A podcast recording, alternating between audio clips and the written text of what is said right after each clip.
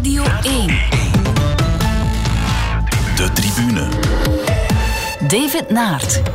Goedenavond, we gaan het in deze aflevering van de Tribune hebben over de Tour, het nieuwe voetbalseizoen en de Formule 1. En daarvoor ontvang ik vandaag drie gasten die ik afzonderlijk aan het woord ga laten. En beginnen doen we met een terugblik op de voorbije Ronde van Frankrijk.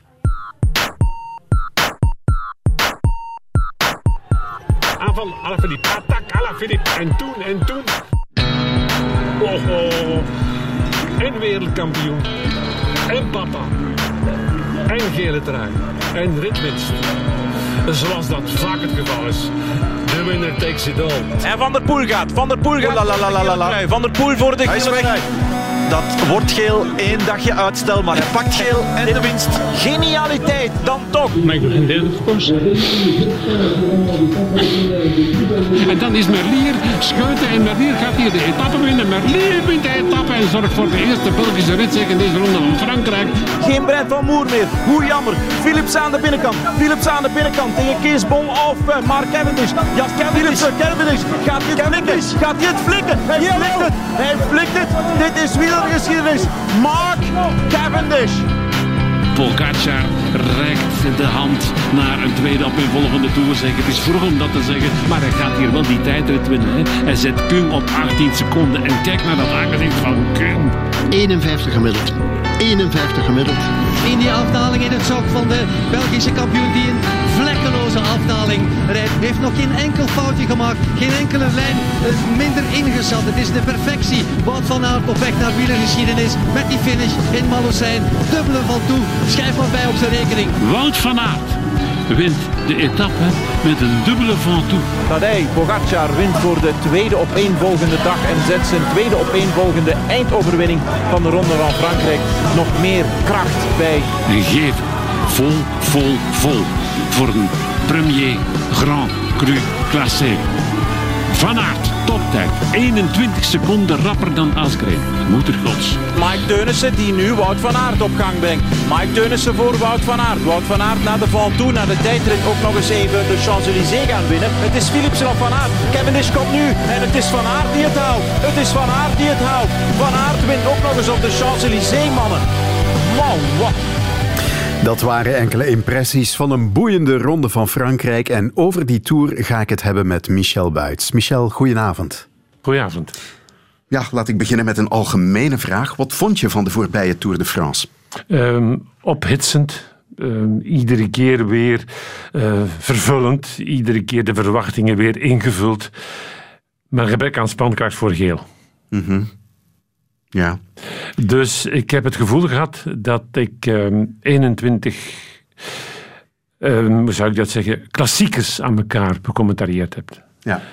Maar eh, in het eh, geheel, in het ensemble, heb ik toch wel een grote dosis spankracht gemist. Ja. Wellicht door het feit dat we die de voorbije drie, vier jaar wel altijd gehad hebben. Ja, en uiteindelijk was het snel beslecht ook hè, in het voordeel van Pogacar. Eh, En de concurrentie was er niet of niet meer. Eh, ik heb mezelf erop betrapt dat ik na de tijdrit in Laval, dat was eh, dag vijf, dat ik zei van eh, de opvolger van eh, de vorige winnaar is bekend. Hij wint voor de tweede keer. Dat was zeer gewaagd, uiteraard. Want voor hetzelfde geld ligt hij eh, zanderdaags op zijn rug. Of krijg je toch een klap in de Alpen. Maar de uitstraling die hij toen al had. En de manier waarop hij specialisten in de tijdrijden naar afwees.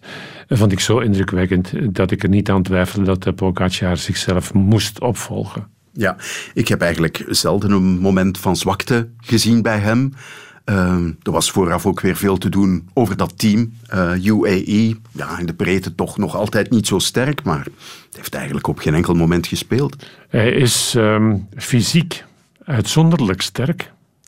Komt er ook nog eens eh, bij dat hij eh, zijn eh, hoogvermogen paart aan een licht gewicht. Het is een vedertje, niet veel meer. Een veertje, moet ik eigenlijk zeggen. Ja. Ehm, er komt er ook nog eens bij dat hij bijzonder slim is. Hij is heel pinter. Hij eh, schat situaties heel snel in en weet tot eh, in een nanoseconde wat hij ad hoc moet doen. Ik refereer naar de etappe naar Le Grand Bornand. Hij voelt dat zijn eh, ploeg opgesoupeerd is en beseft dan nu gaan. Ook al is dat nog ontzettend ver. En ruimt dan alles op. Slaat een bres met zijn naaste tegenstanders, die dan nog overeind zijn van uh, drie, uur, uh, drie minuten en uh, twintig seconden. Ja, dat is nefast gebleken voor, gebleken voor de rest van de Tour. Ja. Hoe bang moeten we nu zijn dat die jonge Sloveen, want hij is nog altijd maar 22, vertrokken is voor een reeks van jaren in de Tour? Als hij niet het zot in de kop krijgt, dan uh, moeten we bang zijn dat we vertrokken zijn voor nog een jaar of uh, vier, vijf. Mm. Maar het recente verleden heeft bewezen dat je voorzichtig moet zijn met zo'n gedurfde uitspraken. Um, ik refereer naar Bernal. Toen die won, dachten we ook van, gezien zijn jeugd zijn we nu ook vertrokken voor een, uh, een niet te onderbreken reeks. En het jaar erop ja, dan pakte hij er al naast. En is hij moeten gaan uitwijken naar de Ronde van Italië. Maar dat zie ik bij deze jongen minder snel gebeuren. Nogmaals, omdat hij goed omringd is. Hij heeft een hele goede structuur. Um, zolang als dat kan, zal uh, bijvoorbeeld Ellen Piper hem met raad en daad bijstaan. Dat zijn allemaal essentiële factoren waarvan ik denk, bovenop zijn intelligentie, gaat hij een aantal jaren aan de top blijven. Mm. Zullen we toch nog eens kijken naar de hoeken van waar de concurrentie zou komen, moeten komen, of waarvan we gedacht hadden dat ze sterker voor de dag zouden zijn gekomen? Om te beginnen, uh, Ineos. Wat, ja. wat, een vreemde tour hebben die toch gereden. Uh, bij momenten leek het alsof ze de gele trui aan het verdedigen waren. De gele trui die niet in hun team zat. Uh, vraag me niet om uitleg, want die kan u niet geven. Dus je begrijpt het zelf ook niet? Ik vraag me zelfs af of zij het zelf nog wel begrijpen. Op een bepaald ogenblik eh, ben ik te beginnen vermoeden dat zij ehm, de fakkel overnamen om de ploeg van uh, Pogacar uit te dunnen en dan Pogacar te isoleren en dan in slag te slaan. Dat is uh, op een formidabele wijze mislukt, want de eerste keer dat ze dat ook gedaan hebben, kregen ze meteen die uh, op lawaai. Dat was onderweg naar Le Grand Bornand. Um, ze hebben gepoogd na het falen van Bernal in uh, 2020 om met een viertand de boel in handen te nemen. En ze hadden ook beloofd om een racers race te gaan rijden. Dat wil zeggen om de haverklap gaan uh, aan te vallen met verschillende pionnen. In de wetenschap dat die wel in staat zouden zijn om allemaal vooraan te blijven. Daar hebben de valpartijen in uh, de eerste dagen natuurlijk wel flink um, wat uh, ja. herrie, of uh, wat uh, miserie in veroorzaakt. Um, maar je kan niet meer verwachten van een Richie Poort en ook niet meer van een Thomas, dat zag je ook in de voorbereidende wedstrijden, dat ze dat nog zouden aankunnen. -hmm. Die nevenrol vertolken als medekoopman. En dan kwam je al snel bij Carapaz. En Carapaz is een hele goede renner, maar is niet lid van de absolute top. Dus was het voor half koers in de Tour al duidelijk, ze komen er niet. En moeten dan gaan improviseren. En dat kunnen ze niet. Mm -hmm. Want dat hebben ze de voorbije zeven, acht jaar ook nooit gekund. Ze konden alleen maar um, de dans leiden als ze dat in een strak patroon konden. Afgeleid uit een uh, opmeting van uh, wattages. Dan die, dan die en dan die. En de op na sterkste dan als laatste bergop in functie van Froome. Het zei Wiggins. En daar zijn ze niet van afgeraakt. En daar hebben ze nu in tweede instantie ook weer de, naar gegrepen. Maar um, een ploeg is ondertussen ook al wel wat verouderd. Dus ze zijn dringend aan een uh, reconversie toe. Mm -hmm. Dus ze moeten wat uh, verzinnen volgend jaar. En ik heb wel een aantal voorstellen voor Ineos om het anders aan te pakken. Ja, doe ze maar uit de doeken. Ik zou um, nu in de Vuelta uh, zien hoe ver Pitcock komt. Hij hoeft die Vuelta nog niet te winnen, maar uh, we moeten wel weten wat de Pitcock kan in een tijdrit in zo'n grote ronde. En dat uh, zal best wel veel zijn. En hoe ver hij ook uh, mee kan bij de profs in het Hooggebergte. Vermits hij de Ronde van Italië voor belofte al gewonnen heeft, gaat dat ook ver zijn. En ik zou me niet verbazen dat ze Pitcock volgend jaar al meepakken als kopman. Als je daar dan toch nog Bernal naast kunt zetten, om eventueel achter de hand te houden, of andersom. En ook Carapaz in steun en nog een paar andere. Uh, Sivakov, die ook op een dag uh, wel in staat moet zijn om uh, goed ter ondersteuning te dienen. Dan kom je met een vernieuwd team en dan kun je aan de slag tegen Pogacar. Weliswaar, altijd in de wetenschap, als individu is Pogacar beter. Mm -hmm. Carapaz, daar wil ik het nog even over hebben. Wat ontbeert die om, om de Tour te kunnen winnen? Explosiviteit. Ja. Als hij eh, het eh, moet of wil afwerken, dan moet hij een aanval opzetten op pakweg anderhalve kilometer van de streep. Eh, liefst nog verder, maar tegen Pogacar, nog tegen Vingegaard is dat onmogelijk. Die volgen gezwind, fluitend, bij wijze van spreken. En als hij ze dan nog wil kortwieken, dan moet hij met een lang getrokken sprint proberen ze te ontwrichten. En het lukt hem niet. Mm en ik zie dat ook niet komen. Um, dat heb je of dat heb je niet. Daar kun je nog wel wat aan schaven op uh, hoogtestages en dergelijke. En dat zal je heus wel gedaan hebben. Maar als je dat nu al... Uh, als je nu al vaststelt dat je tekort komt uh, in dat onderdeel tegen een jongen van 22 en eentje van 24, dan moet je op je 27 niet denken dat het nog komt. De naam is gevallen, Jonas Vingegaard, de revelatie bij Jumbo-Visma. Ja. Uh, wordt hij meer een uitdager dan Primoz Roglic? Ik zou zeggen, laten we beginnen met ze als uh, twee tand uit te spelen. Mm -hmm. het is voor Vingegaard een geluk geweest dat er ook iets daar in de derde etappe plots in het grind zat. En dat hij er in de negende uit moest. Um, die is op die manier bevrijd geraakt. Weliswaar ook met druk overladen, omdat hij dan toch moest overnemen. Maar heeft dat met uh, verf gedaan en heeft eigenlijk dat examen waar Pitcock nu nog voor staat, nu in de Tour al afgelegd. Met uh, brio. Ik ben geneigd om hem grote onderscheiding te geven. Nee, met zekerheid grote onderscheiding. Dus uh, ik ga er ook vanuit dat hij dat volgend jaar kan herhalen. dat dat niveau zelfs nog kan verhoogd worden. En dan met een um, ijzeren Roglic daarnaast kunnen ze alweer ver komen. Ze hebben er nog eentje die komende is, die ook de Ronde van de Toekomst gewonnen heeft, die eh, de overgang naar de belofte uitstekend verteerd heeft. Dat is Vos, Tobias Vos.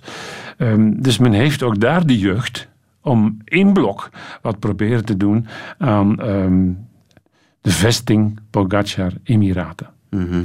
Bij Pogacar was het zo dat de ploeg in de eerste week naar mijn oordeel niet op zijn maat was. In de derde week wel. Ja.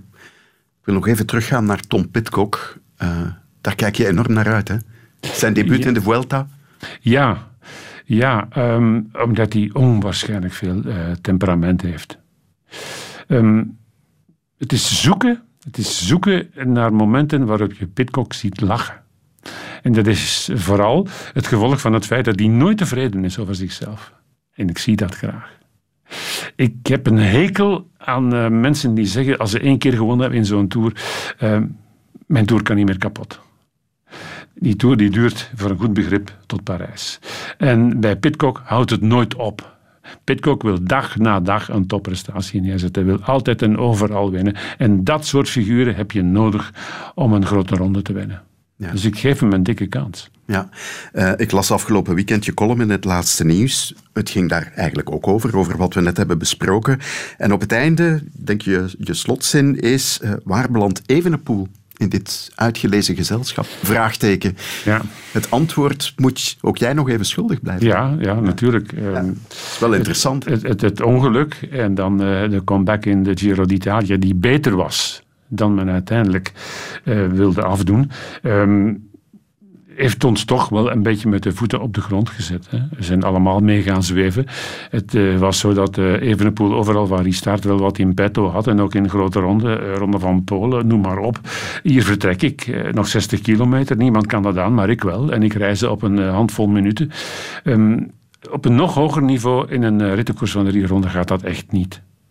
Tenzij hij nog uh, betert. En hij gaat natuurlijk ook nog verbeteren, zonder enige twijfel. Hij gaat een uh, veel hoger niveau halen. Maar hij moet optornen tegen leeftijdsgenoten die minstens op zijn niveau zitten. Pogacar bovenop. Um, waar ligt het heikelpunt? Ik kom weer bij het explosief vermogen. Je moet dat absoluut hebben om in eh, het uh, hedendaagse wielrennen in grote ronden mee te doen. Je moet nog een sprint over hebben na het afmattende klimwerk. Uh, zij het naar Luzardiden, zij het op de Col du Portet, zij het op de Galimier, zij het op de Isoar. Je moet nog een extraatje plaatsen waar je desnoods zo'n Pogacar uh, maar op een half minuutje rijdt, want je rijdt hem er echt niet af. Mm -hmm. Dus daar moet hij naartoe groeien. En ik blijf erin geloven, hè. Let wel. Oké, okay. ja, het zijn boeiende tijden die in het verschiet liggen. Uh, over deze ronde van Frankrijk nog. Wat is jou daar nog opgevallen, in positieve dan wel negatieve zin? Dat er steeds meer ongelukkigen overblijven. Dat we nu weer met de 15 ploegen zonder zitten. Die niks Zonder- hebben gewonnen. Zonder Geen. Ja. En dat zijn ook ploegen die werk gemaakt hebben van zeer ge- doorgedreven selecties. Van uiteindelijk maar acht man. Waar alleen maar de allerbeste, of zij die het best voorbereiden, voorbereid zijn of waren aan de start verschenen zijn. En dan toch niks overhouden aan het eind. Dat is een bittere pil. En dat groepje van winnaars wordt steeds kleiner. Zij die winnen, of, eh, nemen steeds meer. Dat heeft natuurlijk ook te maken met eh, de budgetair sterkste. Behalve bij Ineos. Die zitten ook met niks. Behalve die derde plaats van Carapaz. Dat is net opgevend dan. Ja.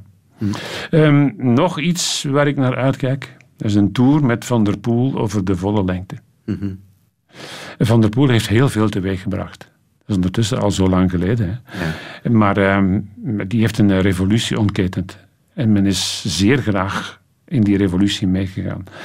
Eh, het was opbeurend. Het- ik vond het fantastisch om vast te stellen dat de klassieke specialisten, die jarenlang in de Tour niks te zoeken hadden, dat die in die, die openingsfase van negen dagen, dag na dag, in de aanval getrokken zijn. Met een Van Aert, met Ja. een Mathieu van der Poel en met een Asgreen.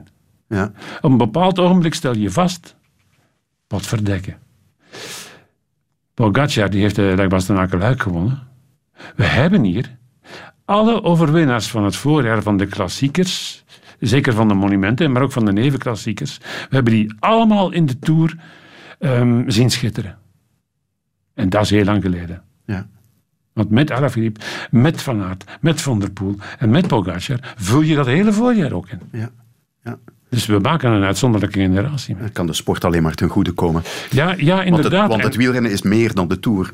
Vandaar ook dat ik begrijp dat uh, Prudhomme zegt van ja, ik ben desondanks het feit dat eh, Van der Poel vroeg opgestapt is, ik ben hem toch dankbaar voor wat hij geleverd heeft. Ja. Maar dat kan hij zich natuurlijk ook maar één keer permitteren. Ja. Maar ehm, ik vergeef het hem wel. Ik had wel gedacht dat hij eh, minstens zou gebleven zijn tot nog de helft van de tweede week, misschien zelfs tot de tweede rustdag. Maar ik kan wel begrijpen dat hij eruit stapt, want mountainbiken, dat is een totaal ander vak. Ja. Dat heeft eigenlijk weinig of niks met de discipline wegwielrennen te maken. Ja. Uh, straks gaan we het nog hebben uh, over uh, Wout van Aert en Mark Cavendish. Maar nu we toch bij Alpecin Phoenix zitten, de ploeg van Van der Poel. Tim Merlier is daar ook een belangrijke schakel. Heeft ook zijn rit gewonnen. Maar hij is ook hier weer op zijn limieten gebotst na één week. Dat, dat wordt zijn grootste werkpunt toch, hè? Om, om, om, ja, wat die grote rondes betreft, om ook na die eerste week ja, erin wordt, te blijven en een rol van betekenis te spelen. Het wordt niet makkelijk. Ja. Hij is 28. Mm -hmm. Je merkte ook bijvoorbeeld in de eerste de beste etappe die hij toe deed in de Ronde van België, dat hij het moeilijk kreeg op geaccidenteerde parcoursen. Uh, dat uh, zal blijven. Um, hij zal moeten leren op de tanden te bijten. En hij zal uh, moeten leren in zo'n grote ronde gitzwarte momenten te overleven. Daar dwars doorheen te gaan. En als hij dat niet leert, dan gaat hij daar geen stappen in zetten. Dat hij bij de allersnelste van de wieleraarde mag worden, dat staat buiten kijf. Je wint niet zomaar een rit in de ronde van Frankrijk en niet zomaar een rit in de ronde van Italië. Maar um, hij moet wel die volgende stap zetten om alsnog meer volwaardig bestempeld te worden. Ja. Mark Cavendish is zonder twijfel de sprintkoning van deze Tour. Of moeten we zeggen dat de koning Quickstep de sprintkoning is van de Tour. Had hij dat bij een ander team kunnen doen? Want hier is hij toch op een onwaarschijnlijk sterke manier omringd geweest. Zowel in de opbouw van de sprint als in het op sleeptouw nemen in de moeilijkere etappes. Bij een ander team? Nee. Met zekerheid niet. Het uh, probleem van uh, Cavendish is zijn uh, mindset geweest. Um, Cavendish heeft diep in de put gezeten. Um, ik ga niet zeggen dat uh, Cavendish bipolair is, maar ik zie wel kenmerken. Cavendish is uh, met zekerheid een hele poos depressief geweest. Dat is ook uh, bevestigd door Wiggins, die hem natuurlijk door en door kent. En dat heeft hem naar absurde lachten gebracht. En het heeft een persoonlijkheid um, zoals Lefevre nodig had om Cavendish weer te brengen waar hij dichtbij geweest is. Dat ik wil daarmee zeggen, dat niveau van 2012, 2013, 2014, dat haalt hij net niet. Maar hij komt wel erg dicht. En wat ik ook gemerkt heb in het begin van de Tour, als hij aan zijn overwinningsreeks begon, dat was een ongebreideld enthousiasme, iedere keer weer in tranen. Ehm, ehm, ja, op het maan is ze af. Keer na keer. Het is nu wel weg. Dus ik denk dat we nu iemand zien die in evenwicht is, die dat zelfvertrouwen teruggevonden heeft. En de vraag is nu, wat, uh, wat wordt zijn beslissing? Ja. Gaat hij het lef hebben om te zeggen van ik heb nu dat uh, bereikt uh, dat ik, waarvan ik dacht dat heb ik nog in me? En zeg ik dan adieu? Of kan hij niet stoppen? Ik vrees voor het tweede. Waarom vrees je? Omdat het verdomd moeilijk wordt als alle grote, alle echte sprinters die ik nog sneller acht dan Cavendish, als die erbij zijn om die, om die te verslaan. Ja. En dan, dan heb ik het over een eh, Sam Bennett. Dan heb ik het met zekerheid over Ewan. Op dit ogenblik op eh, de korte afstand van 150 à 200 meter met zekerheid de rapste. Maar ook over een Groenewegen. Mm En ook over een Jacobsen. Ja. Mag niet vergeten dat Cavendish veel geluk gehad heeft. Hè. Bennett haakt af om uh, niet uh, echt klare redenen. Maar uh, Jacobsen, als de lijn doorgetrokken was, dan zou er nooit getwijfeld geweest zijn aan de, de, deelname van Jacobsen aan deze ronde van Frankrijk. Hè? Ja. We hebben het nog niet gehad over Wout van Aert. De figuur toch wel, na de gele truidrager in deze ronde van Frankrijk. Um, ik luisterde onlangs naar een podcast van Thijs Sonneveld en die had het over Wout van Aert, waar hij bij stond na de tijdrit die hij won. En ik zag een echte atleet. Dat zie je niet vaak in het wielrennen. Ja, en het is zo dat men uh, je dat ook kwalijk neemt. Ik uh, zie dat aan mails of aan sms'en die ik krijg van noem renners alsjeblieft geen atleet. Want als ze echt een atletisch vermogen moeten aanspreken in disciplines waarin andere spiergroepen aangesproken worden, dan staan ze niet op de foto. Dat is ondertussen toch wel een beetje bij te kleuren. Hè? Ja. Als je de Container Cup gezien hebt, dan uh, zag je in de eerste editie wie daar bovenaan. Hè? Dus laten we dat nu maar stilaan achterwege laten. Maar ik, uh, ik onderschrijf volkomen wat Zonneveld zegt. Dat is inderdaad een atleet. Je kunt het niet naast kijken. Dat evenwicht, dat is perfect in balans. Het vindt het zelfs als straf dat iemand zo atletisch is, dat hij zegt van ik moet gaan afbouwen, ik moet dat bovenlijf wat lichter maken als ik volwaardig wielrenner wil zijn. Of als ik dat klimmen op niveau wil houden. Dat is echt voldoende. Ja. Hij heeft vorig jaar een fantastische tour gereden. Deze was een beetje anders, maar ook fantastisch. En wat vooral heel straf was, eh, zijn niveau is gegroeid naarmate de Ronde van Frankrijk vorderde. En ja, dat is een bijzonder zware koers. Er zijn er toch weinigen die dat kunnen. Dat heeft met dat uh, atletisch lichaam te maken. Um, het lijf van een ander brokkelt sneller af. Ik vraag me af of hij echt beter wordt. Ik ben er wel van overtuigd dat hij veel minder rap slechter wordt dan de tegenstand. Dat staat buiten kijf. Um, zegt hij zelf, voel dat niet meteen aan wat ik ervaar op mijn fiets, maar ik toets dat wel af aan wat ik bij mijn concurrenten zie. Ik zag er uh, samen met mij anderen lossen in de Alpen. En ik zag die veel eerder voor mij lossen in de Pyreneeën. En dat zijn van die aspecten die mij erop wijzen van je bent uitstekend op dreef. Je komt nu op het niveau waarop je wenste te zitten. Maar er staat buiten kijf dat hij een reuzenstap gezet heeft. Hij wint de dubbele rit over de Ventoux op een weergaloze manier. Hij gaat er maar tegenaan staan. Hij doet het alleen, Ja. terwijl de anderen geleid worden naar een snellere klimtijd. Ik wil nog wel zien wat de klimtijd is van een, bijvoorbeeld een Pogacar of een Vingegaard als zij daar alleen aan beginnen, aan die onderneming. En hij wint nu ook een tijdrit. Je moet bij Van Aert ieder woord dat hij uitspreekt, moet je voor waar aannemen. Want bij Van Aert is alles afgewogen. Ja. Die zegt niet iets zo, uh, wat zo tussendoor, uh, bij wijze van een lachje, bij wijze van een uitspraak omzonst. Nee, hij zegt, ik heb een droom waargemaakt. Ik win een tijdrit in de Tour. Ja. Dat is een reuzenstap. Ja. Het is ook uitzonderlijk dat iemand en een bergrit en een tijdrit en een massasprint wint. Het is nog uitzonderlijker dat iemand uh, de derde dag van de maand januari een uh, cross-slash-veldloop wint in Dendermonde. Ja. ja. Dus ik, ik ga er eigenlijk niet over uitgepraat. Ja. Um, er is een begin in tal van aspecten aan Van Aert, maar er is voorlopig nog geen einde. Ja. En ik heb nog altijd het gevoel dat we het beste nog zullen zien. Sluit misschien aan op de vraag die ik net wilde stellen. Moet hij ooit voor het eindklassement gaan? ja. Um, dat is ook een vaststelling. Als je een uh, interview beluistert met uh, Van Aert, dan komt er iedere keer de vraag: en morgen? het verwachtingspatroon dat is gigantisch. En kras is dat hij die vraag niet ontwijkt. Ja. Ja, dat heb ik ook op mijn wenslijstje staan. Dus kan het maar doorgaan? Ja, uiteraard kan het doorgaan. Kan het ook uitdraaien zoals op het WK in Imola, waar hij twee keer tweede wordt? Oh ja, dat kan ook. Want um, hij is zo allround dat het iedere keer wel zo zal zijn dat hij op, dat iemand zal botsen die in die ene discipline, in dat klimmen op uh, uh, grote stijlte geraden, net dat ietsje beter is. Net uh, dat ietsje meer explosiviteit heeft en dat hij dan even het hoofd buigt. Maar ik ben er wel van overtuigd dat hij die allemaal stuk voor stuk een dag gaat vermorzelen. Eerst de toekomst op korte termijn. Dat zijn de Olympische Spelen. Ja. Met de wegrit enkele dagen later, de tijdrit. Na zijn uh, tijdritwinst afgelopen weekend in de Ronde van Frankrijk, is hij nu voor jou de favoriet voor de Olympische tijdrit? Ja. Toch ja. wel? Ja. Ik zet hem daar uh, naast Ghana. Ik schrijf niet de een voor de ander en ook niet omgekeerd.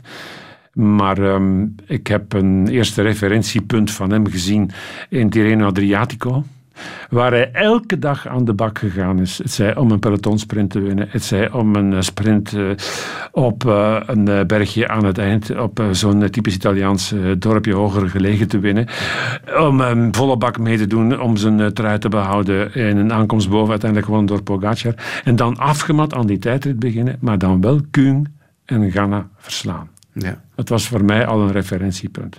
Het tweede is nu gekomen, ja. de Ronde van Frankrijk. Dus ja, ja. Ze gaan er meer dan de handen aan vol hebben.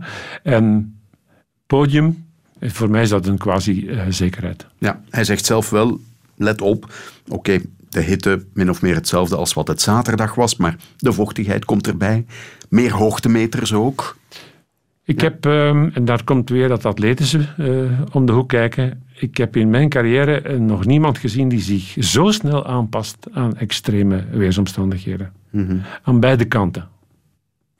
Het, uh, het, mag in dagen aan een stuk zwaar regenen, dan komen zijn troeven boven. Maar ook aan het andere eind van het spectrum, in de hitte, overleeft hij het best. Mm -hmm. Beter dan de tegenstand. Ja. En wat met Remco Evenepoel? Lichter met die hoogtemeters. Ook al wat langer in Japan. Hij is er nu al uh, beter geacclimatiseerd. Maar zoals je zelf zegt, Wout van Aert kan zich supersnel aanpassen. Door in de Tour te zitten heb ik natuurlijk weinig of niks van Evenepoel kunnen zien. En ik heb hem ook niet echt uh, kunnen volgen. Maar uh, ik luister dan weer naar Van Aert. En alweer moet je dan zeggen... Van Aert zegt dat niet zomaar. Evenepoel zal beter aangepast zijn aan dat type van parcours omdat er een uh, hogere uh, hellingsgraad is. Um, er zit meer lengte in. En het wat bergachtige karakter van die tijdrit, dat gaat meer in zijn voordeel zijn. Mm -hmm. Maar dat wil ik nog maar zien. Ja. Toch hebben we daar, moet natuurlijk nog altijd gereden worden, een grote weelde in die tijdrit. Met die twee kleppers. We hebben het al gehad over Ganna, die het ook combineert met de ploegenachtervolging nog op de piste. Uh, Rowan Dennis kan zich als geen ander voorbereiden op dat ene moment. Wordt hij de te kloppen man? In de tijdrit? Ja. Um, ik zou zeggen, ik, voor mij op dit ogenblik is uh, Van Aert de te, de, de kloppen man. Mm -hmm. Maar dat is natuurlijk uh, op grond van zeer recente waarnemingen. Ja. Um, bij Ghana is dat uh, Koffie kijken, die trekt zich terug. Die wordt dan uh, gecoacht door zijn vader. Uh, die trekken zich terug op een hoogte van 2000 meter in Piemont, dicht bij huis. Zo'n beetje als kluizenaars opgesloten. En dan komen die weer um, naar beneden. En dan is de vraag van hoe. Ja, dat, dat, dat dat op een uitstekende manier is en op een geweldig vormpeil, dat is al een paar keer nadrukkelijk bewezen. Maar anderzijds is het ook zo dat er geen maat staat op zij die uit de Tour komen.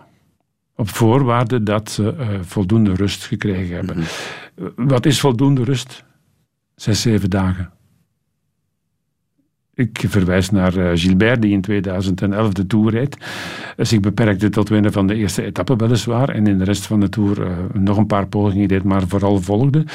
De criteriumdans dan ging meedoen. Um, zich overal een, paar pinten liet naar binnen gooien en dan een helikopter nam, als ik me dat goed herinner, om naar San Sebastian te vliegen en daar de Classica San Sebastian won. Dus de tour in je been hebben is nog altijd een voordeel. Blijft dat een voordeel als je de jetlag in je lichaam hebt? En blijft dat een voordeel als je je moet aanpassen aan het nieuwe uur? Ja. Dat is wat anders. Ja. Vochtigheid, daar ben ik ja. niet zo bevreesd voor. De tijdrit is wel iets wat verder. Het is eerst de wegrit op zaterdag. Ja. Hoe liggen de kaarten daar? Op dat zware parcours toch? Het zijn uh, zware kaarten. Vanwege het verwachtingspatroon. Uh, ik doe dat, die wegrit op uh, Spelen doe ik sinds 1992. Nog nooit zijn we naar die wegrit toegegaan met een verwachtingspatroon. Mm -hmm. Nooit. Het zou altijd voor een buitenlander geweest zijn. Dat is helemaal omgeslagen totaal anders uitgedraaid in Rio. Toen we overigens commentaar gaven, José en ik hier vanuit Brussel, met Van Avermaat, het gekende verhaal. Nu gaan we wel met een verwachtingspatroon naar Ginder. Maar geldt dat voor de twee? Het valt mij op dat uh, zowel Evenepoel en zeker Van Aert, dat die bijzonder weinig over die wegrit praten. Gaan ze die nu rijden in functie van um, de tijdrit? Of starten ze daar met in het achterhoofd, we zien wel wat er gebeurt. En hoe het loopt. Misschien is dat ook wel de juiste instelling. Want hoe controleer je een koers met maximum vijf mm-hmm. man? De betere landen zijn daar gestoffeerd met vijf renners. En dan zak je naar vier, dan zak je naar drie. En uiteindelijk is dat ja, quasi een juniorenkoers. Ieder voor zich. Wanneer vertrekt in godsnaam de juiste ontsnapping? Dat kan niemand vooraf zeggen. Het is onderweg een stukje lotje trekken. Gilbert die dacht, ik zit mee in de goede vlucht, die ging nog weg in uh, de wegrit in Rio nog voor half koers en verzoop prompt. Hij zal dat wel anders gedacht hebben als hij eraan begon. Dus uh, je moet die dag uitzonderlijk sterk zijn. Um, alle problemen die er zou kunnen gerezen zijn, je moet die opgeruimd hebben. En dan rekenen op een uh, wonderuur aan het slot. Ja. Dus je kan meer zekerheid inbouwen in de tijd en in de wegrit. Maar ik onthoud dat je toch met een verwachtingspatroon aan de wegrit begint. Uh, met, met, met zekerheid. Ja. Met zekerheid. En nerveuzer dan we dat doorsnee deden. Want hoe gingen we daar vroeger zitten, zoals ook in Rio? Ja, een beetje de plezanterik. Uh, wat zwansen, um, de paljas uithangen. Uh, laten voelen aan de kijker, hij verwacht er niet te veel van. Als er iemand uh, lek reed in het begin van de race, een beetje de, verontwaardiging spelen. Hoe komt dat nu in godsnaam? Was dat materiaal niet goed afgesteld of was het pure pech? In de wetenschap blijven van ja, nee, dat gaat niks worden. Maar dan komt dat heerlijke moment. Het slaat om. 30 seconden van Maika worden er plots tien. En je weet wat er gaat gebeuren. Zalig. Laten we hopen op zalige Olympische Spelen ook voor jou, Michel Luit. Dank je wel. En bedankt om na drie weken tour toch even tijd te maken voor de tribune. Graag gedaan. De tribune. Ondertussen staat het nieuwe voetbalseizoen al voor de deur. De nieuwe competitie begint op vrijdag 23 juli. Afgelopen weekend al won Club Brugge de Supercup. Het werd 3-2 tegen Racing Genk. Dat is goed hoor. Ik krijgt hem terug, lang. De dribbel in het schot. Maar schot komt er niet uit. En daar zijn ze weer. Matta. Oh, die trapt hem binnen. Ja, via de lamp. En via Van de Voor. Het staat 3-1. Club blaast even Racing Genk helemaal weg.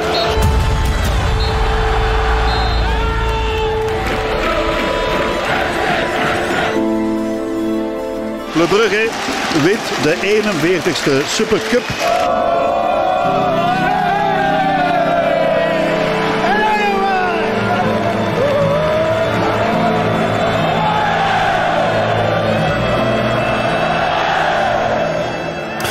Philippe Clement, goedenavond. Goedenavond.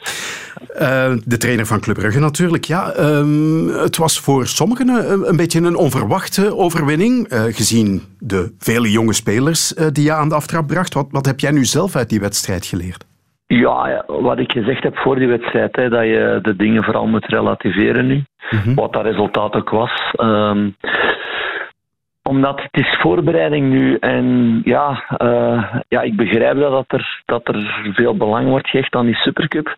En dat is ook iets belangrijks hè, tussen de kampioen en de bekerwinnaar. Mm -hmm. Maar omwille van het tijdstip ja, kan je het niet belangrijk maken uh, ja. als coach zijnde omdat we ja, de competitie nog, nog een week vroeger dit seizoen dan andere jaren.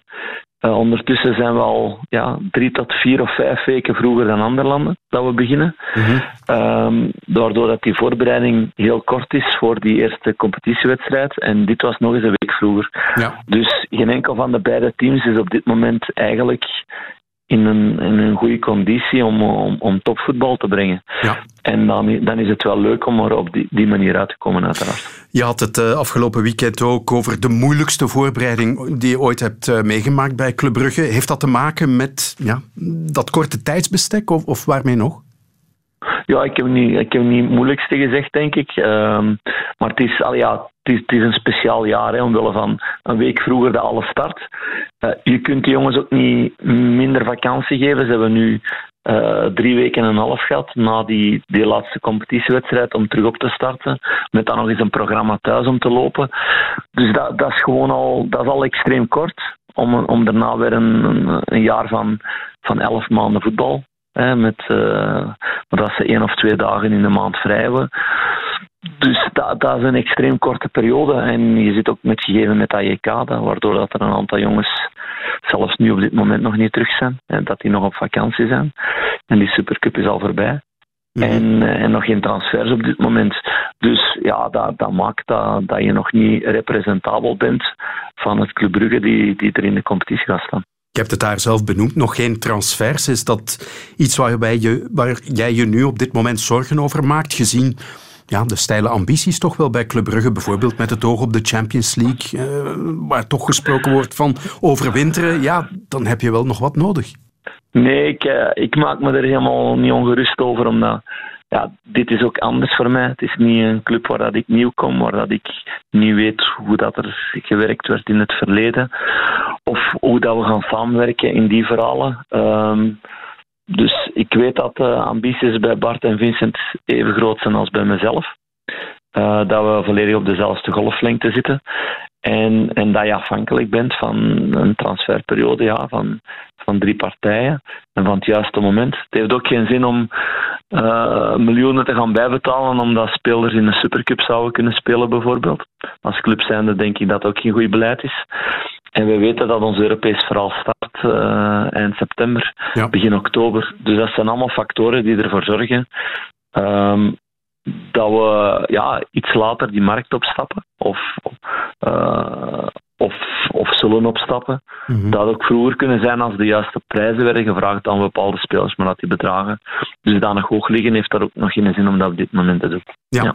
De nieuwe competitie die begint dus ook al deze week. Je zei het zelf, nog een week vroeger dan gebruikelijk.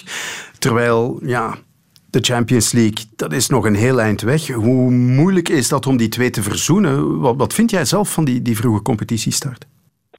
Ja, dat uh, dat, dat niet goed is. Um, omdat spelers ook een goede voorbereiding nodig hebben, een goede basis nodig hebben om een, om een lang seizoen continu te kunnen presteren.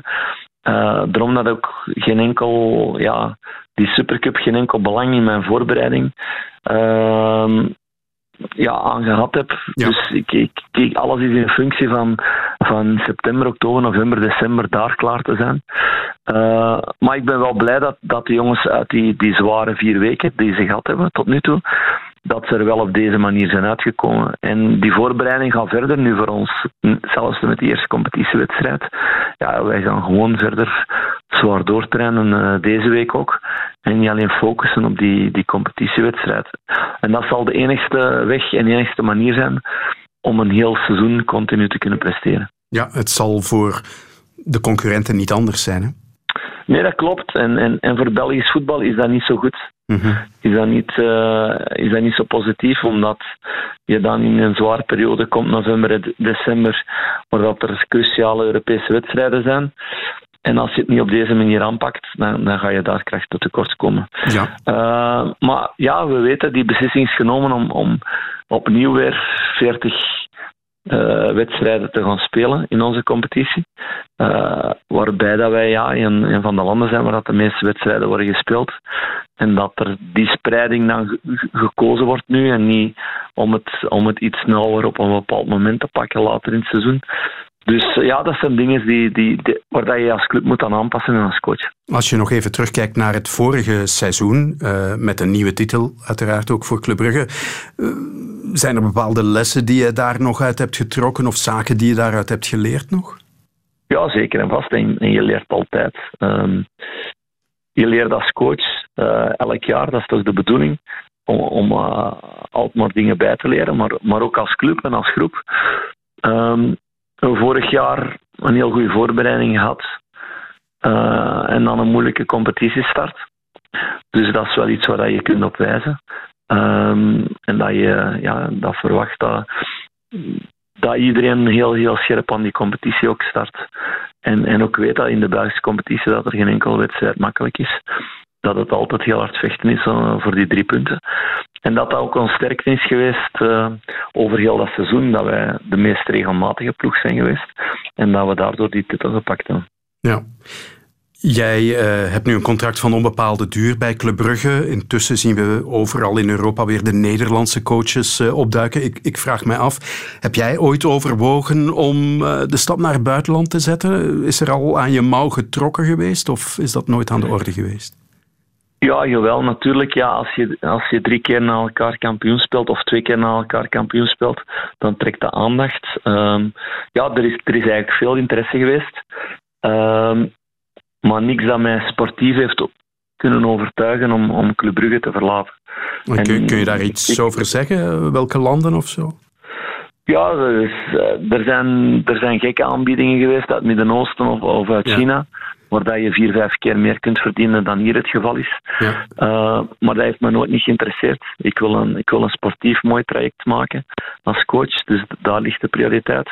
En er is interesse geweest uit, ja, uit de grotere competities, maar uit ploegen die, waarvan dat je niet weet dat ze voor Europees voetbal spelen daar. Dat dat even goed een degradatieverhaal kan worden. En dat spreekt mij op dit moment ook niet aan met de ambities die er op dit moment zijn binnen Club Brugge om, om verder stappen nog te zetten als club. Dus uh, daarom heb ik ook die knoop doorgehakt om, om hier te blijven. Heb jij zelf eigenlijk vakantie kunnen nemen, Filip? Ja, een beetje. uh, dat, is, dat is altijd een beetje, maar allee, dat is ook niet erg. Uh, dat is ook de manier dat ik het wil. Ik ben iemand die graag het vooral loslaat en ehm, uh, ik ben even tien dagen met mijn vrouw op vakantie geweest, maar uiteraard is die telefoon blijft dat ook nog belangrijk tijdens die vakantie. Ja. Want je zit aan mijn transferperiode en, en, je moet de dingen goed doorpraten en, en spelers ook bekijken of, of met spelers praten. Dus ik blijf altijd beschikbaar voor de club. Maar dat, dat weten ze al lang, maar ik vind dat, ik vind dat ook normaal in, in de rol die je hebt. Het is inderdaad het lot van de trainer. Eén vraagje nog. Vrijdag start van de competitie, vrijdag ook start van de Olympische Spelen. Is, is dat een event dat jij, als het kan natuurlijk, als het voetbal het toelaat, dat jij dat ook volgt?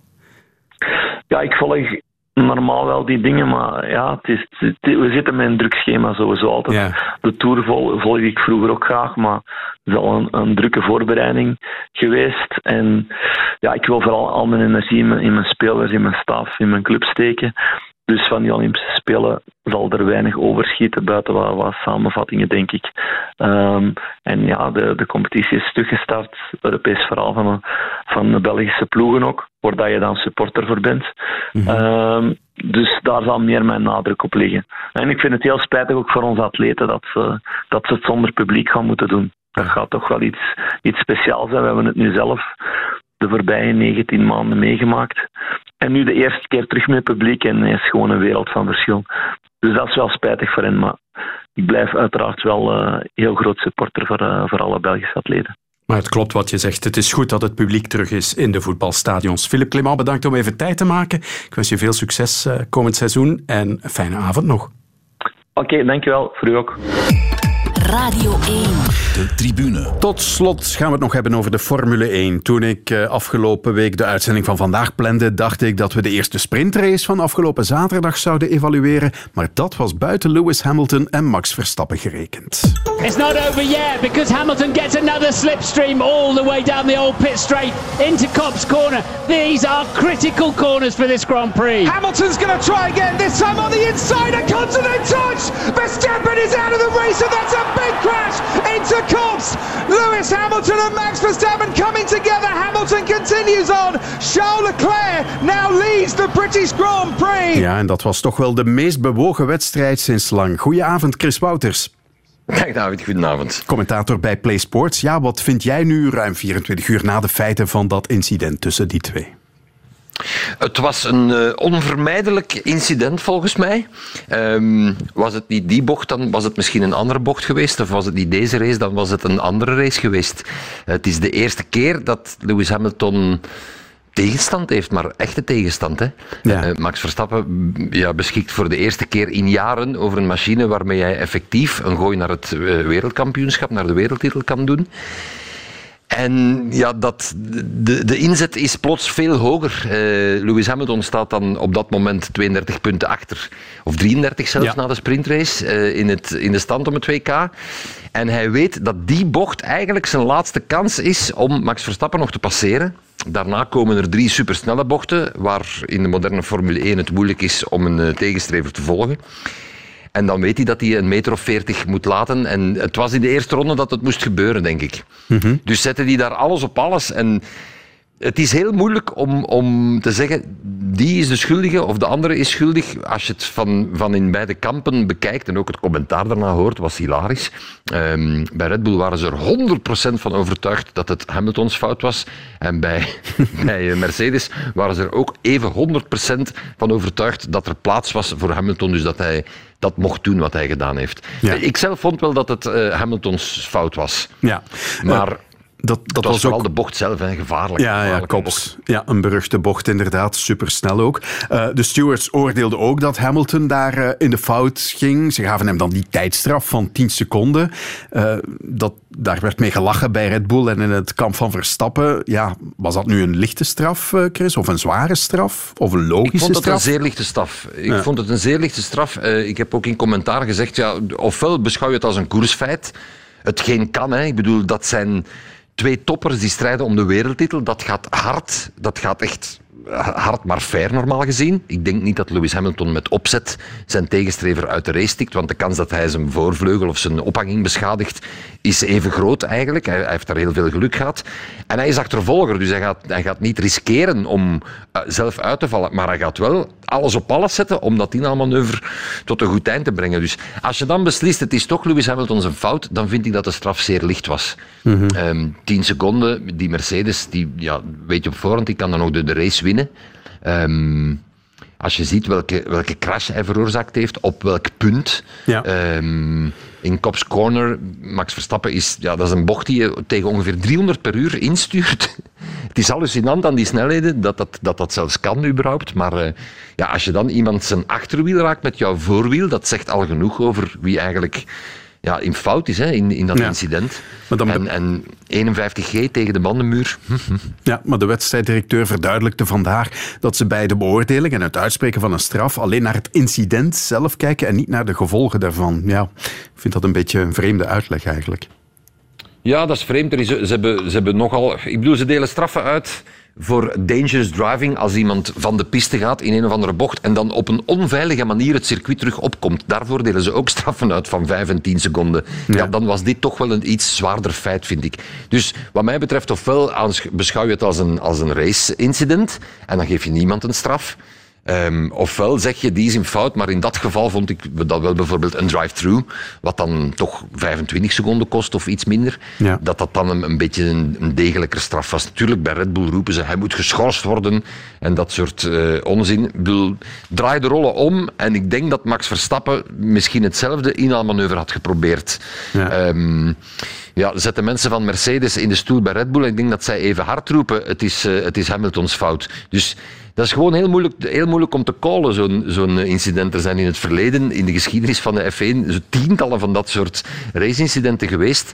Het is de laatste jaren pas de cultuur om alles te bestraffen. Hè. Die, die, die race stewards zitten daar voor iets en die willen echt altijd iemand bestraffen. Ja. Beetje jammer soms. Hamilton won de race. Hij kreeg na afloop eh, nogal wat kritiek over de manier waarop hij die overwinning vierde. Hij liep rond met de Union Jack op het grasveld. Ehm, en ik denk dat het ook Verstappen was. Hè? Die tweette inderdaad eh, onsportief gedrag van Hamilton. Terwijl ik in het ziekenhuis eh, lig, dan doe je zoiets niet. Uh, maar Chris, ik, ik, denk zelf dat het een grote ontlading was, een spontane ontlading bij Hamilton, precies omdat er zoveel op het spel stond voor hem. Hè. Het was zo belangrijk dat hij die wedstrijd zou winnen. Je hebt ook die 140.000 Engelsen gehoord. Wat een lawaai ook. Ja, was fantastisch. Hè? Ja. ja. ik denk ook de combinatie van, van het feit dat er ook een publiek was, want dat was al zeer lang geleden. Hè? En dan zitten ze plots ja, in zijn thuisland, hij rijdt zijn thuisrace. Hij wint die voor de achtste keer. Hij, hij, doet een, hij maakt het kampioenschap terug superspannend. En, en ter verdediging van Hamilton, hij had wel meteen op de radio gevraagd van is Max oké? Okay? En ze hadden hem gezegd, ja, ja, hij is zelf uit de wagen gestapt. Dus op dat moment wist Lewis Hamilton denk ik ook niet dat Max nog in het hospitaal was. Um, het is makkelijk om, om dan te gaan bekritikeren. Ik, ik, denk dat het wel te maken had met het feit dat, er, dat, er ook, uh, dat het een schitterende dag was en dat er 140.000 mensen op de tribune zaten. En onderschat Lewis Hamilton niet, hij is niet vies van een mentaal oorlogje. Hè? Ja. Ja, want uh, hij, hij, vertelde na de wedstrijd dat uh, hij vindt dat Max Verstappen te agressief rijdt. We gaan eens luisteren. Course he's very very aggressive. So I always have to give him extra, you know, give him space. And I was alongside down obviously to six and he was like bumping wheels with me, you know, like and so I knew that he was somewhere on the inside so I gave him space. And the next one I was really happy proud of the move and I was really far alongside but I could see he was not going to concede. And so, um, anyways, we, he cut across me and we collided. And I was quite frustrated that that's, you know, because we have to give space for one another. Um, there needs to be respect on the track, and if if not, then this will happen more often, I guess. But uh, I tried my hardest to, to stay you know, as clean as possible. Ja, er moet respect zijn tussen de rijders, zegt Hamilton. Uh, maar dat adresseert hij dan toch vooral aan Max Verstappen, die boodschap. ja, kijk, als je, als je de beelden goed bekijkt, dan zie je dat er naast Max Verstappen effectief plaats was voor nog een wagen. Maar Lewis Hamilton die gaat helemaal aan de rechterkant tegen de oude pitmuur, de vorige, de, waar de vorige start-finish was bij, op Silverstone, rijden. En aan die snelheid kan die onmogelijk de wagen dan zo kort afdraaien. Dus het, het, was bound to happen dat hij hem ging raken. En, en afhankelijk vanuit welk standpunt je het bekijkt, uh, uh, kan ik Hamilton ook begrijpen. En het feit dat hij zegt dat Max Verstappen uh, agressief rijdt, dat is ook zo. Hè. Max is een, is een ha, zeer bijzonder harde racer, maar wel fair. Ik heb Max nog nooit iets onfair zien doen.